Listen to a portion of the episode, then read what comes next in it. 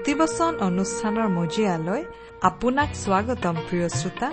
আজিৰে পবিত্ৰ ক্ষণতে উজলি উঠা খ্ৰীষ্টৰ জ্যোতি। প্ৰিয় শ্ৰোতা আপুনি নিজকে খুব অকলশৰীয়া অসহায় অনুভৱ কৰিছে নেকি? তেন্তে আপোনালৈ আনিছো এটি সুখবৰ। সেয়া হৈছে আপোনাৰ দুখ যাতনা কষ্ট যিমানেই বেদনাদায়ক হলেও প্ৰভু যীশুৱে আপোনাৰ লগ কেতিয়াও নেৰে। তেওঁ সদায় আপোনাৰ সংগে সংগে আপোনাৰ পদে পদে আপোনাৰ সাৰথি হৈ লগতে থাকে।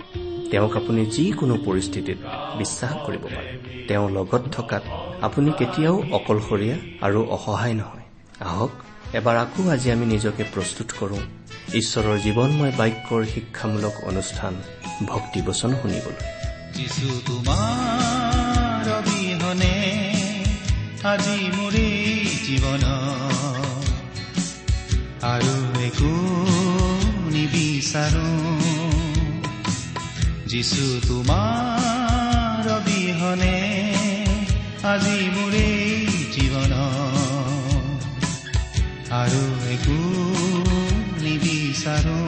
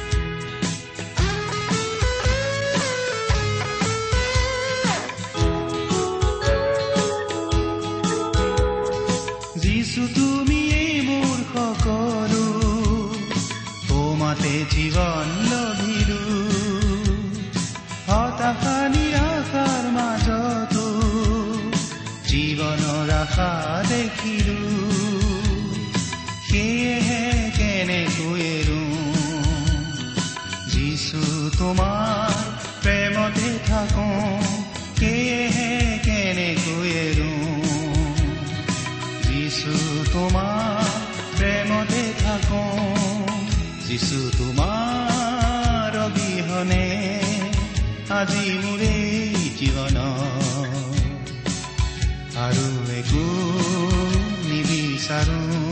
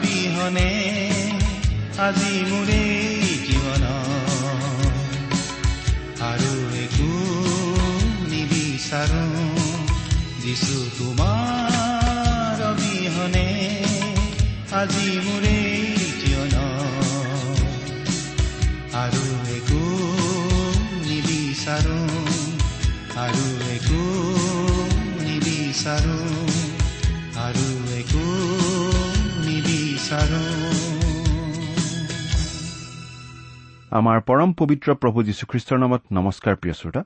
আশা কৰো মহান পিতা পৰমেশ্বৰৰ মহান অনুগ্ৰহত আপুনি ভালে কুশলে আছে। লগতে এই বুলিও আশা কৰিছো যে আপুনি আমাৰ এই ভক্তিবচন অনুষ্ঠানটো নিয়মিতভাৱে শুনি আছে। প্ৰিয় শ্ৰোতা আমি আমাৰ চিনাকি লোকসকল আমি ভাল পোৱা লোকসকল সদায় ভালে কুশলে থকাটো নিবিচাৰোনে বাৰু? ঈশ্বৰেও আমাক ভাল পায় আমি ভালে কুশলে থকাটো বিচাৰে।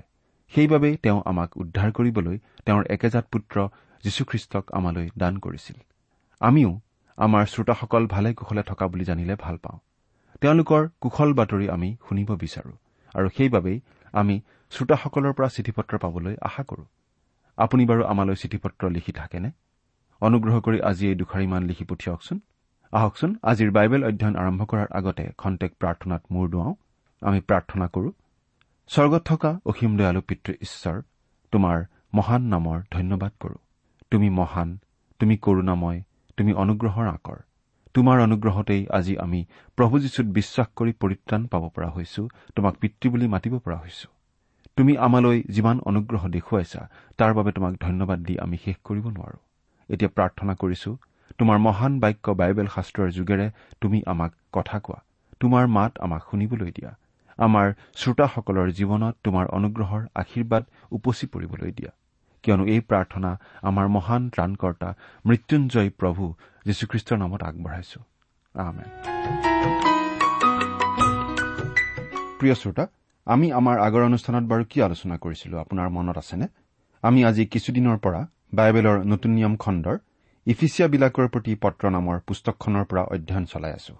আৰু যোৱা অনুষ্ঠানত আমি এই ইফিচিয়া পুস্তকৰ দুই নম্বৰ অধ্যায়ৰ আঠ নম্বৰ পদৰ পৰা বাৰ নম্বৰ পদলৈকে পঢ়ি আমাৰ আলোচনা আগবঢ়াইছিলো। আপুনি যদি আমাৰ অনুষ্ঠানটো শুনিছিল তেতিয়াহ'লে এই কথা নিশ্চয় আপোনাৰ মনত আছে। এই ইফিচিয়া পত্ৰৰ দুই নম্বৰ অধ্যায়ৰ আঠ নম্বৰ পদৰ পৰা বাৰ নম্বৰ পদ এই শাস্ত্ৰাংশখিনি অধ্যয়ন কৰোতে আমি দুটা বিষয় বিশেষভাৱে আলোচনা কৰিলো। প্ৰথম বিষয়টো হ'ল পৰিত্ৰাণ লাভ কৰাৰ বিষয়। আমি মুক্তি বা পৰিত্ৰাণ লাভ কৰো ঈশ্বৰৰ অনুগ্ৰহত নিজৰ কৰ্মৰ বলত নহয়। এই পৰিত্ৰাণ লাভ কৰাৰ যোগ্যতা আমি নহয়। কিন্তু সেই যোগ্যতা আচলতে আমাক পিতৃ ঈশ্বৰেই দিয়ে আমাত নাই। কিন্তু প্ৰেমময় ঈশ্বৰে আমালৈ অনুগ্ৰহ দেখুৱালে আৰু প্ৰভু যীশুৰ যোগেদি আমালৈ পৰিত্ৰাণ প্ৰস্তুত কৰিলে। সেই পৰিত্ৰাণ ঈশ্বৰে আমালৈ আগবঢ়োৱা বিনামূলীয়া দান। আমি বিশ্বাসেৰে গ্ৰহণ মাত্ৰ কৰিব লাগে। আমি নিজৰ কৰ্মেৰে এই পৰিত্ৰাণ অৰ্জন কৰিব নোৱাৰো। গতিকে প্ৰভু যীশুক গ্ৰহণ কৰি পৰিত্ৰাণ লাভ কৰাৰ পাছত আমি আচলতে কোনেও গৌৰৱ কৰিব নোৱাৰো। কাৰণ আমি নিজৰ কৰ্মৰ বলত নহয় প্ৰভু যীশুৱে আমাৰ বাবে ক্ৰুচত যিখিনি কৰি থৈ গ'ল তাৰ ভিত্তিতহে পৰিত্ৰাণ পাওঁ। গতিকে আমাৰ অহংকাৰ কৰাৰ কোনো স্থলেই নাই। দ্বিতীয়তে আমি আলোচনা কৰিছিলো ঈশ্বৰে নিৰ্মাণ কৰা মন্দিৰ অৰ্থাৎ খ্ৰীষ্টীয় মণ্ডলীৰ কথা। সকলো খ্ৰীষ্টীয় বিশ্বাসীৰ সমষ্টিয়েই হৈছে এই মন্দিৰ জীৱন্ত মন্দিৰ। এই মন্দিৰ হৈছে ঈশ্বৰৰ নিজৰ হাতৰ কাম ঈশ্বৰৰ কাৰিকৰী ঈশ্বৰে লিখা কবিতাৰ নিচিনা। পাচনি পৌলে ইফিচিয়া খ্ৰীষ্টীয় বিশ্বাসী লোকসকলক অতীতৰ কথা সোঁৱৰাই দি কৈছে যে যিহেতু তেওঁলোক অনাজিহুদী বা পৰজাতীয় লোক আছিল তেওঁলোক আছিল খ্ৰীষ্টৰ পৰা পৃথক ইছৰাইল ৰাজ্যৰ বাহিৰ অংগীকাৰযুক্ত নিয়মবোৰৰ অসম্পৰ্কীয় আশাহীন আৰু ঈশ্বৰহীন। আচলতে খ্ৰীষ্টক ত্ৰাণকৰ্তা বুলি গ্ৰহণ নকৰালৈকে প্ৰতিজন মানুহৰ অৱস্থা এনেকুৱাই। খ্ৰীষ্টৰ পৰা বিচ্ছিন্ন আশাহীন ঈশ্বৰহীন। কিন্তু এনেকুৱা নিৰাশাজনক অৱস্থাত থকা মানুহবোৰৰ মাজৰ পৰাই যিসকলে খ্ৰীষ্টৰ শুভবাৰ্তা শুনি বিশ্বাস কৰি খ্ৰীষ্টক ত্ৰাণকৰ্তা বুলি গ্ৰহণ কৰে তেওঁলোকেই হৈ পৰে ঈশ্বৰৰ নতুন সৃষ্টি। তেওঁলোকক লৈয়েই ঈশ্বৰে নিৰ্মাণ কৰে খ্ৰীষ্টীয় মণ্ডলী তেওঁৰ জীৱন্ত মন্দিৰ। প্ৰিয় শ্ৰোতা আজিৰ অনুষ্ঠানত আমি ইফিচিয়া পুস্তকৰ দুই নম্বৰ অধ্যায়ৰ বাকী থকা পদকেইটা পঢ়ি আমাৰ অধ্যয়ন আগবঢ়াই নিব খুজিছো। অৰ্থাৎ দুই নম্বৰ অধ্যায়ৰ আমি একেবাৰে বাইশ নম্বৰ পদলৈকে পঢ়ি আমাৰ আলোচনা আগবঢ়াম। অনুগ্ৰহ কৰি আপোনাৰ বাইবেলখন মেলি লওকচোন। প্ৰথমতে আমি পাঠ কৰি দিব খুজিছো দুই নম্বৰ অধ্যায়ৰ তেৰ নম্বৰ পদ। কিন্তু এতিয়া খ্ৰীষ্ট যীশুত আশা দেখি আগেয়ে দূৰ হলেও তোমালোক খ্ৰীষ্টৰ তেজৰ দ্বাৰাই ওচৰ হলা কিয়নো তেওঁ আমাৰ শান্তি। আমি আগতেও উল্লেখ কৰি আহিছো যে পৰজাতীয় লোকবিলাকক জিৰচালেমৰ মন্দিৰৰ মূল চোতাললৈ কেতিয়াও আহিবলৈ দিয়া নহৈছিল। তেওঁলোকক এখন আছুতীয়া চোতালত স্থান দিয়া হৈছিল আৰু সেই চোতালখন মন্দিৰৰ পৰা যথেষ্ট আঁতৰত আছিল। তেওঁলোকক আহিবলৈ অনুমতি দিয়া হৈছিল কিন্তু স্থান দিয়া হৈছিল বহু দূৰত। সকলো পৰজাতীয় লোক অৰ্থাৎ অজিহুদী লোককেই এনেদৰে নিৰগত স্থান দিয়া হৈছিল। কিন্তু পাচনি পৌলে কৈছে এতিয়া যিসকল লোকে খ্ৰীষ্টত বিশ্বাস স্থাপন কৰিলে সেই পৰজাতীয় লোকবিলাকৰ কাৰণে সকলো সলনি হল। খ্ৰীষ্টত বিশ্বাস কৰা সকলোবোৰ পৰজাতীয় লোকৰ বিষয়েই এই কথা কোৱা হৈছে। ইফিচিয়া লোকবিলাকো পৰজাতীয় লোক আছিল কিন্তু এতিয়া সকলো সলনি হল। তেওঁলোক খ্ৰীষ্টহীন অৱস্থাত আছিল কিন্তু এতিয়া তেওঁলোক খ্ৰীষ্টলৈ আহিল। তেওঁলোকে খ্ৰীষ্টত আশ্ৰয় ললে। তেওঁলোক আৰু ঈশ্বৰৰ মাজত যি বাধাৰ প্ৰাচীৰ আছিল। সেই বাধাৰ প্ৰাচীৰ ভাঙি গ'ল। তেওঁলোক ঈশ্বৰৰ পৰা নিলগত আছিল কিন্তু এতিয়া ওচৰ কৰা হ'ল। তেওঁলোক ওচৰ হ'ল। তেওঁলোকৰ নিজৰ চেষ্টাত নহয় কিন্তু খ্ৰীষ্টৰ তেজৰ বলতহে। খ্ৰীষ্টৰ তেজৰ দ্বাৰাইহে তেওঁলোক ওচৰ হ'ল। খ্ৰীষ্টৰ তেজে আমাক ঈশ্বৰৰ সৈতে মিল কৰোৱাই ঈশ্বৰৰ ওচৰ কৰে। কাৰণ খ্ৰীষ্টৰ তেজে আমাৰ সকলো পাপ ধুই মুচি নিকা কৰিব পাৰে। আমি হৈ পৰো ঈশ্বৰৰ দৃষ্টিত সম্পূৰ্ণৰূপে ধাৰ্মিক। কিয়নো খ্ৰীষ্টই আমাৰ শান্তি। খ্ৰীষ্টক গ্ৰহণ কৰি আমি এক স্বৰ্গীয় শান্তি লাভ কৰো। জগতে যিদৰে দিয়ে তেনে শান্তি নহয় কিন্তু খ্ৰীষ্টই আমাক যি শান্তি দিয়ে সেই শান্তি জগতে বুজি পাব নোৱাৰা শান্তি। কিন্তু ইয়াত সেই শান্তিৰ কথাটো বুজোৱা হোৱা নাই। খ্ৰীষ্টই আমাৰ শান্তি কাৰণ তেওঁ আমাৰ আৰু ঈশ্বৰৰ মাজত শান্তি স্থাপন কৰিলে। শত্ৰুতাৰ প্ৰাচীৰ ভাঙি নোহোৱা কৰিলে। এতিয়া আমি চৈধ্য নম্বৰ পদৰ পৰা সোতৰ নম্বৰ পদলৈকে পাঠ কৰি দিম। তেওঁ সন্ধি কৰি দুয়োকো তেওঁত এক নতুন লোক সৃষ্টি কৰিবলৈ নিজ ক্ৰুচত শত্ৰুতাক বধ কৰি সেই ক্ৰুচৰ দ্বাৰাই এক দেহত ঈশ্বৰে সৈতে উভয় পক্ষৰ মিলন কৰিবৰ কাৰণে উভয়কে এক কৰিলে আৰু মাজত থকা প্ৰভেদক দেৱাল ভাঙি পেলালে আৰু নিজ মাংসৰ দ্বাৰাই শত্ৰুতা অৰ্থাৎ আজ্ঞাসমূহ ৰূপ বিধান লুপ্ত কৰিলে আৰু তেওঁ আহি দূৰত থকা যি তোমালোক তোমালোকৰ আগত শান্তি আৰু ওচৰ হোৱা যিবিলাক তেওঁবিলাকৰ আগতো শান্তিৰ শুভবাৰ্তা প্ৰচাৰ কৰিলে। যেতিয়া আমি যীশুখ্ৰীষ্টলৈ আহোঁ আৰু তেওঁতেই বিশ্বাস কৰি তেওঁতেই আশ্ৰয় লওঁ তেতিয়া আমি এক শৰীৰৰ অংগ হওঁ খ্ৰীষ্টৰ শৰীৰ অৰ্থাৎ খ্ৰীষ্টীয় মণ্ডলীৰ অংগ। কিন্তু লগতে আমাক এনেকুৱা এটা স্থানলৈ উন্নীত কৰা হয় যে আমি আন সকলো খ্ৰীষ্টীয় বিশ্বাসীৰ সমান হিচাপে ঈশ্বৰৰ আগত থিয় হ'ব পাৰো। মই আপোনাৰ সমান মৰ্যাদাৰে আৰু আপুনি মোৰ সমান মৰ্যাদাৰে ঈশ্বৰৰ আগত থিয় হ'ব পাৰে। যদিহে আমি প্ৰভু যীশুত আশ্ৰয় লৈছো। গতিকে এতিয়া আৰু খ্ৰীষ্টীয় বিশ্বাসীৰ মাজত কোনো ধৰণৰ ভেদাভেদ থকাটো সম্ভৱ নহয়। ঈশ্বৰৰ দৃষ্টিত সকলো সমান। আমাক খ্ৰীষ্টত এক কৰা হ'ল সকলোকে। প্ৰিয় শ্ৰোতা যদিহে আপুনি এজন খ্ৰীষ্টীয় বিশ্বাসী তেনেহলে আপুনি কোন সেইটো ডাঙৰ কথা নহয়। সেইটো বিচাৰ্য বিষয় নহয়। আপুনি আৰু মই আৰু আন সকলো খ্ৰীষ্টীয় বিশ্বাসী লোক অনন্ত কাললৈকে একেলগে থাকিম। আৰু এই জগতত থকা দিনকেইটাত আমি সেই কথাটো মনত ৰাখি চলাটো ভাল কথা নহবনে বাৰু? ইয়াত আচলতে পাচনি পৌলে কথাটো পৰিষ্কাৰভাৱে বুজাই দিছে যিহুদী আৰু অজিহুদী লোকৰ উদাহৰণেৰে। আচলতে প্ৰভু যীশুখ্ৰীষ্টই যিহুদী আৰু অজিহুদী অৰ্থাৎ পৰজাতীয় লোকসকলৰ মাজত শান্তি স্থাপন কৰিলে মিলন কৰিলে। তেওঁলোকৰ মাজত থকা বাধাৰ প্ৰাচীৰ প্ৰভেদক দেৱাল তেওঁলোকৰ মাজত থকা শত্ৰুতা ভাঙি দিলে। তেওঁ নতুন মানুহ সৃষ্টি কৰিলে। খ্ৰীষ্টত আমাক সকলোকে এক কৰা হ'ল। তেওঁ দুয়োপক্ষৰ মাজত সন্ধি স্থাপন কৰিলে। অৰ্থাৎ এতিয়া আমি ঈশ্বৰে সৈতে মিল হলো আৰু আমাৰ পৰস্পৰৰ মাজতো মিল থকা উচিত। ঈশ্বৰৰ সৈতে মানৱৰ যি মিলন কাৰ্য সেই মিলনৰ কাম সম্পূৰ্ণ কৰি দিলে প্ৰভু যীশুৱে ক্ৰুচত তেওঁৰ তেজ বোৱাই। ঈশ্বৰে আজি যিকোনো মানুহকেই গ্ৰহণ কৰিবলৈ সাজু হৈ আছে যদিহে মানুহ আগবাঢ়ি আহে। গতিকে আজি বাৰ্তাটো হৈছে তোমালোকে ঈশ্বৰে সৈতে মিল হোৱা। দ্বিতীয় কৰিন্ঠিয়া পাঁচ নম্বৰ অধ্যায়ৰ বিশ নম্বৰ পদ। যদিহে আপুনি খ্ৰীষ্টক গ্ৰহণ কৰাৰ দ্বাৰা ঈশ্বৰে সৈতে মিল হয় তেতিয়া আপোনাক এটা নতুন শৰীৰৰ অংগ কৰা হ'ব। খ্ৰীষ্টীয় বিশ্বাসীৰে গঠিত শৰীৰ আৰু আপুনি যিহুদীয়েই হওক বা পৰজাতীয় লোকেই হওক কোনো পাৰ্থক্য নাই। আপোনাৰ গাৰ ৰঙেও একো প্ৰভাৱ নেপেলায়। বগা তাম্বৰণীয়া ৰঙা কলা গাৰ ৰং যিয়েই নহওক কিয় সকলো বিশ্বাসীয়েই খ্ৰীষ্টত এক। আমাক খ্ৰীষ্টত নতুন মানুহ কৰা হ'ল আৰু আমাৰ মাজত সেয়েহে মিলাপ্ৰীতি থকা উচিত। এই শাস্ত্ৰাংশৰ মাজেদি আচলতে খ্ৰীষ্টৰ গৌৰৱময় ব্যক্তিত্ব প্ৰকাশিত হৈছে। তেওঁ যে কেৱল ক্ৰুচৰ জৰিয়তে শান্তি স্থাপনেই কৰিলে এনে নহয় কিন্তু তেওঁত ভৰসা কৰা সকলোকে তেওঁত স্থান দিলে আৰু নতুন মানুহ কৰিলে ঈশ্বৰে যিহুদী লোকসকলক আন জাতিবোৰৰ পৰা পৃথক কৰি প্ৰথমতে এটা পাৰ্থক্য ৰাখিছিল।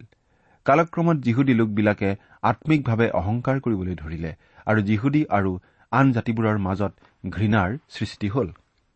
কিন্তু যেতিয়া যিহুদী আৰু আন জাতিৰ লোকক খ্ৰীষ্টত এক কৰা হয় তেতিয়া কিন্তু কোনো প্ৰভেদ নাথাকে। প্ৰকৃত অৰ্থৰ মিলন হয়। নতুন স্থানত প্ৰতিষ্ঠিত কৰা হল বুলিয়েই নহয় কিন্তু নতুন কিবা এটা সৃষ্টি হল বুলিও এই মিলন সম্ভৱ হয়। ইয়াকেই পাচনি পৌলে নতুন মানুহ বুলি কৈছে। এই মণ্ডলীয়াই হৈছে নতুন মানুহ। এতিয়া কোনোবাই হয়তো ক'ব পাৰে যে পৰজাতীয় লোকবিলাকক যিহুদী লোকৰ মৰ্যাদালৈ নিয়া হ'ল। কিন্তু আচলতে ঈশ্বৰে যিহুদী আৰু পৰজাতি উভয়কেই এক ঊৰ্ধতৰ স্থানলৈ উন্নীত কৰি নিছে। এজন লোকে এই কথাটো উদাহৰণেৰে এনেদৰে বুজাইছিল। ধৰা হ'ল এটা ৰূপৰ মূৰ্তি আৰু এটা তামৰ মূৰ্তি। ঈশ্বৰে দুয়োটা মূৰ্তিকে গলাই একেলগ কৰিলে আৰু দুয়োটাকে একে কৰি সোণৰ মূৰ্তি কৰি পেলালে। আমাক খ্ৰীষ্টত এক কৰা হ'ল।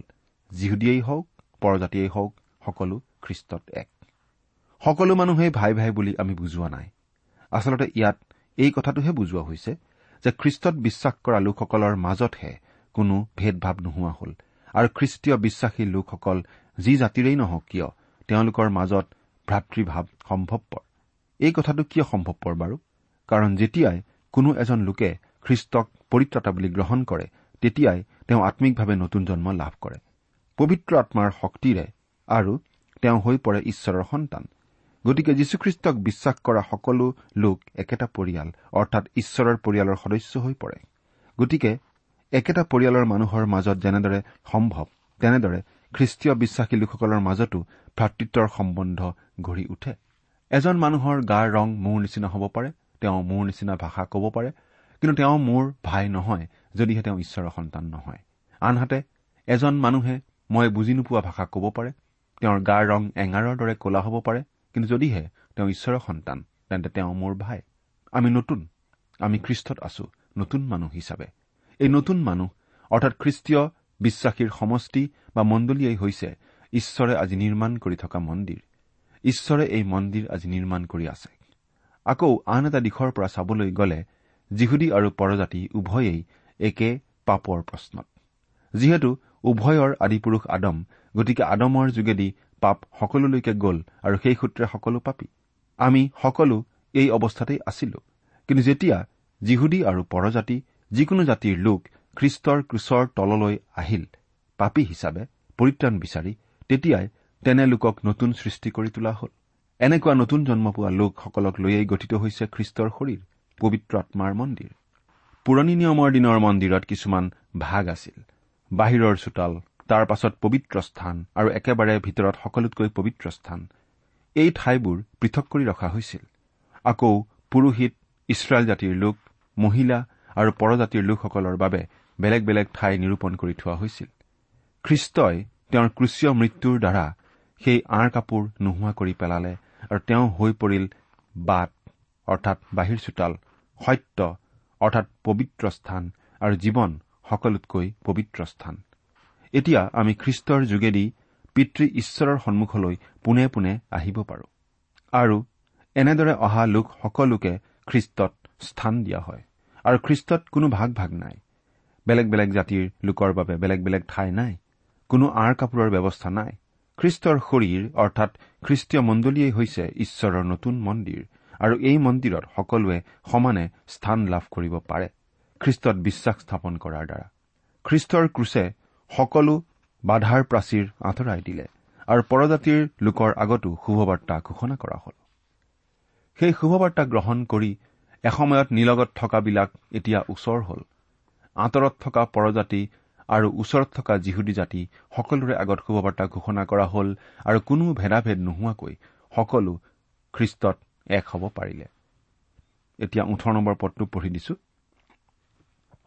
কিয়নো তেওঁৰ দ্বাৰায়েই আমি উভয় পক্ষৰ লোকে এক আত্মাৰে পিতৃৰ ওচৰলৈ সোমাবৰ ক্ষমতা পালো। এইটো এটা চুটি পদ সৰু পদ কিন্তু এই পদটো আচলতে প্ৰচণ্ড শক্তিশালী পদ যেন এটা এটম বোমহে। ইয়াতে ঈশ্বৰৰ তিনিও ৰূপৰ কথা আমি পাওঁ।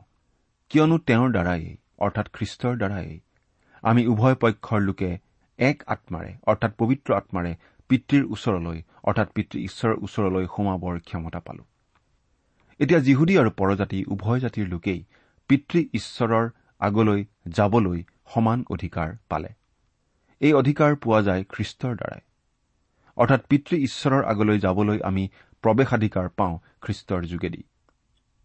প্ৰতিজন খ্ৰীষ্টীয় বিশ্বাসীয়েই এই প্ৰৱেশাধিকাৰ পাইছে সমান হিচাপে পাইছে।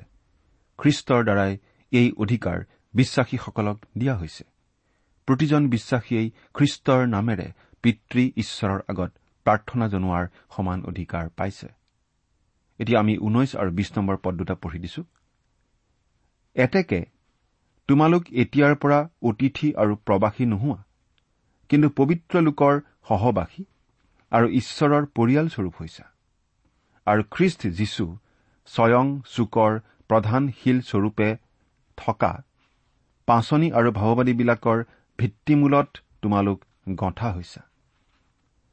পৰজাতীয় লোকসকলে খ্ৰীষ্টত বিশ্বাস কৰাৰ পাছত তেওঁলোকৰ অৱস্থা সলনি হৈ গ'ল। এতিয়া আৰু তেওঁলোক বাহিৰা মানুহ নহয়। এতিয়া তেওঁলোক পবিত্ৰ লোকসকলৰ সহভাগী।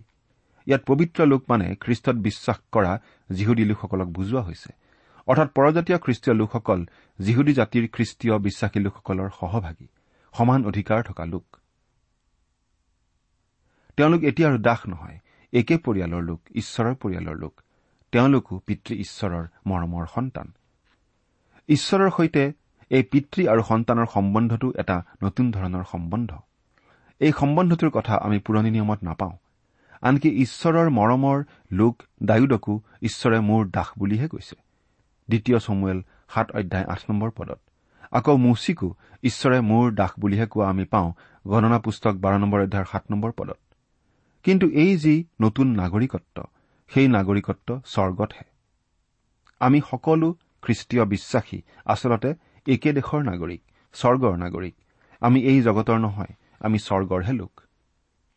খ্ৰীষ্ট যীশু স্বয়ং চুকৰ প্ৰধান শিলস্বৰূপে থকা অৰ্থাৎ খ্ৰীষ্টই হৈছে আধাৰ শিলা আৰু তেওঁৰ ভিত্তিতেই খ্ৰীষ্টীয় মণ্ডলীটো গঠিত হৈছে। প্ৰভু যীশুৱেই হৈছে সেই শিলা যি শিলাৰ ওপৰত খ্ৰীষ্টীয় মণ্ডলী সজা হৈছে। পাচনি আৰু ভাওবাদীবিলাকৰ ভিত্তিমূলত তোমালোক গঁঠা হৈছা। এইটো বিশেষভাৱে মন কৰিবলগীয়া কথা। খ্ৰীষ্ট হৈছে চুকৰ প্ৰধান শিলা। কিন্তু পাচনি আৰু ভাওবাদী সকলো প্ৰয়োজনীয়। তাৰমানে পাচনি আৰু ভাওবাদী সকলেই মূল ভেটি বুলি বুজোৱা হোৱা নাই। আচলতে খ্ৰীষ্টীয় বিশ্বাসীসকলৰ যি মণ্ডলী সেই মণ্ডলী গঢ়ি উঠিছিল পাচনীসকলৰ শিকোৱা কথাৰ ওপৰত ভিত্তি কৰি। খ্ৰীষ্টই হৈছে মণ্ডলীৰ চুকৰ প্ৰধানশীল আৰু এই মণ্ডলী গঢ়ি উঠিছে পাচনীসকলৰ যোগেদি ঈশ্বৰে শিকোৱা কথাৰ ওপৰত ভিত্তি কৰি। প্ৰতিজন খ্ৰীষ্টীয় বিশ্বাসীয়েই এই মণ্ডলী এই মন্দিৰৰ এচপৰা ইটাৰ নিচিনা এটা শিলৰ নিচিনা। এতিয়া আমি একৈশ আৰু বাইশ নম্বৰ পদ দুটা পঢ়ি দিছো। গাঁথনিৰ সকলোৱেই তেওঁতেই সংলগ্ন হৈ পবিত্ৰ মন্দিৰ হবলৈ প্ৰভূত বৃদ্ধি পাইছে। তেওঁতেই তোমালোকেও একেলগে গঁঠা হৈ আত্মাৰে ঈশ্বৰৰ এক আবাস হৈ উঠিছা।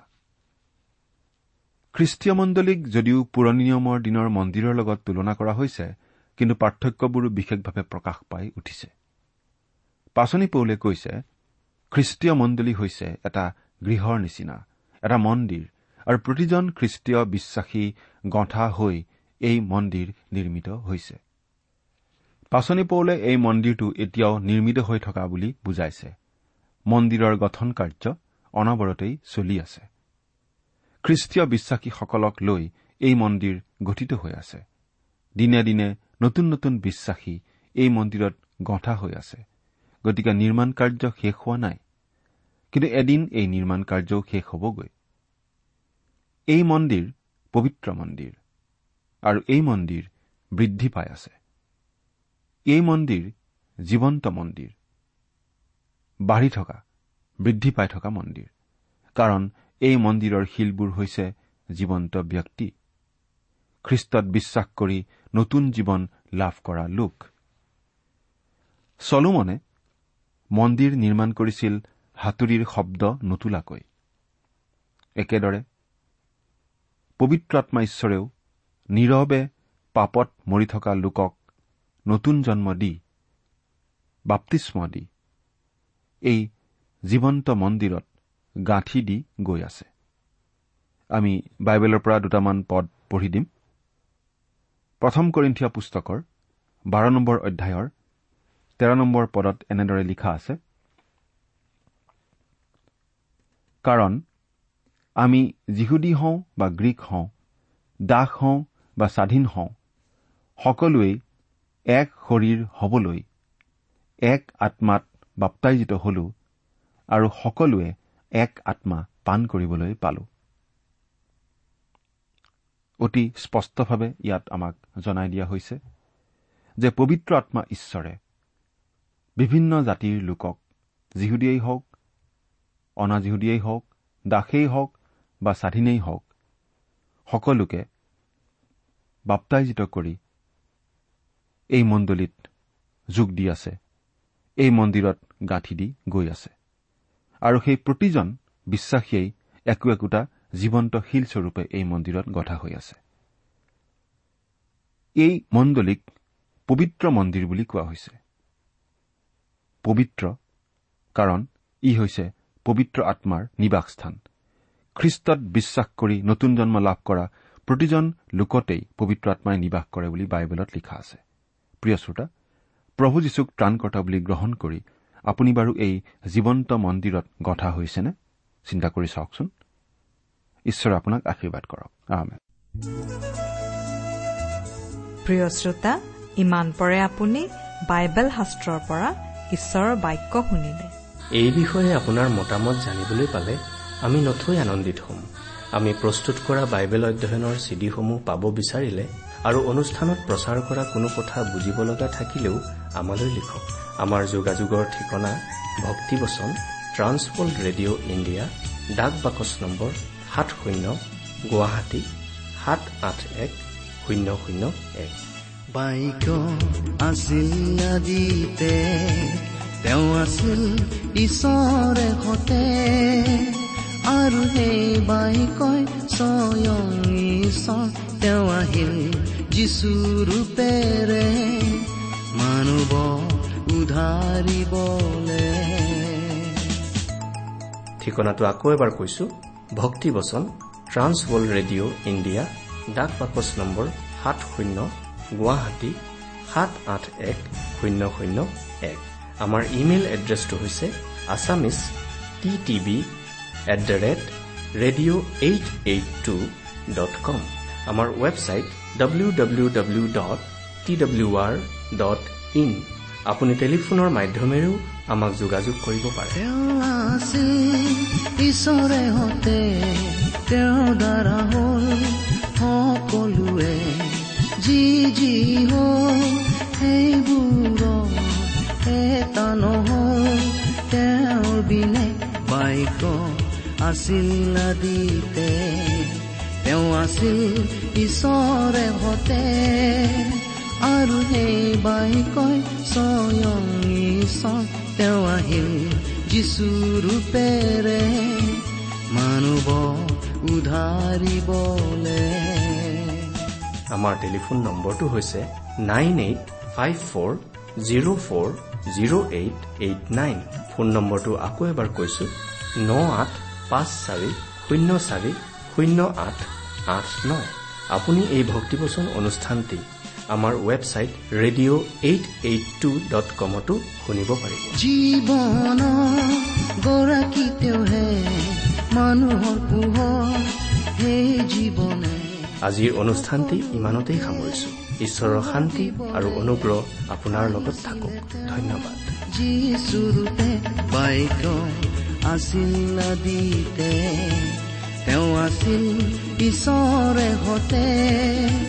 আৰু হে বাইক স্বয়ং তেওঁ আহিল যিচুৰূপেৰে মানুহ উধাৰিবলে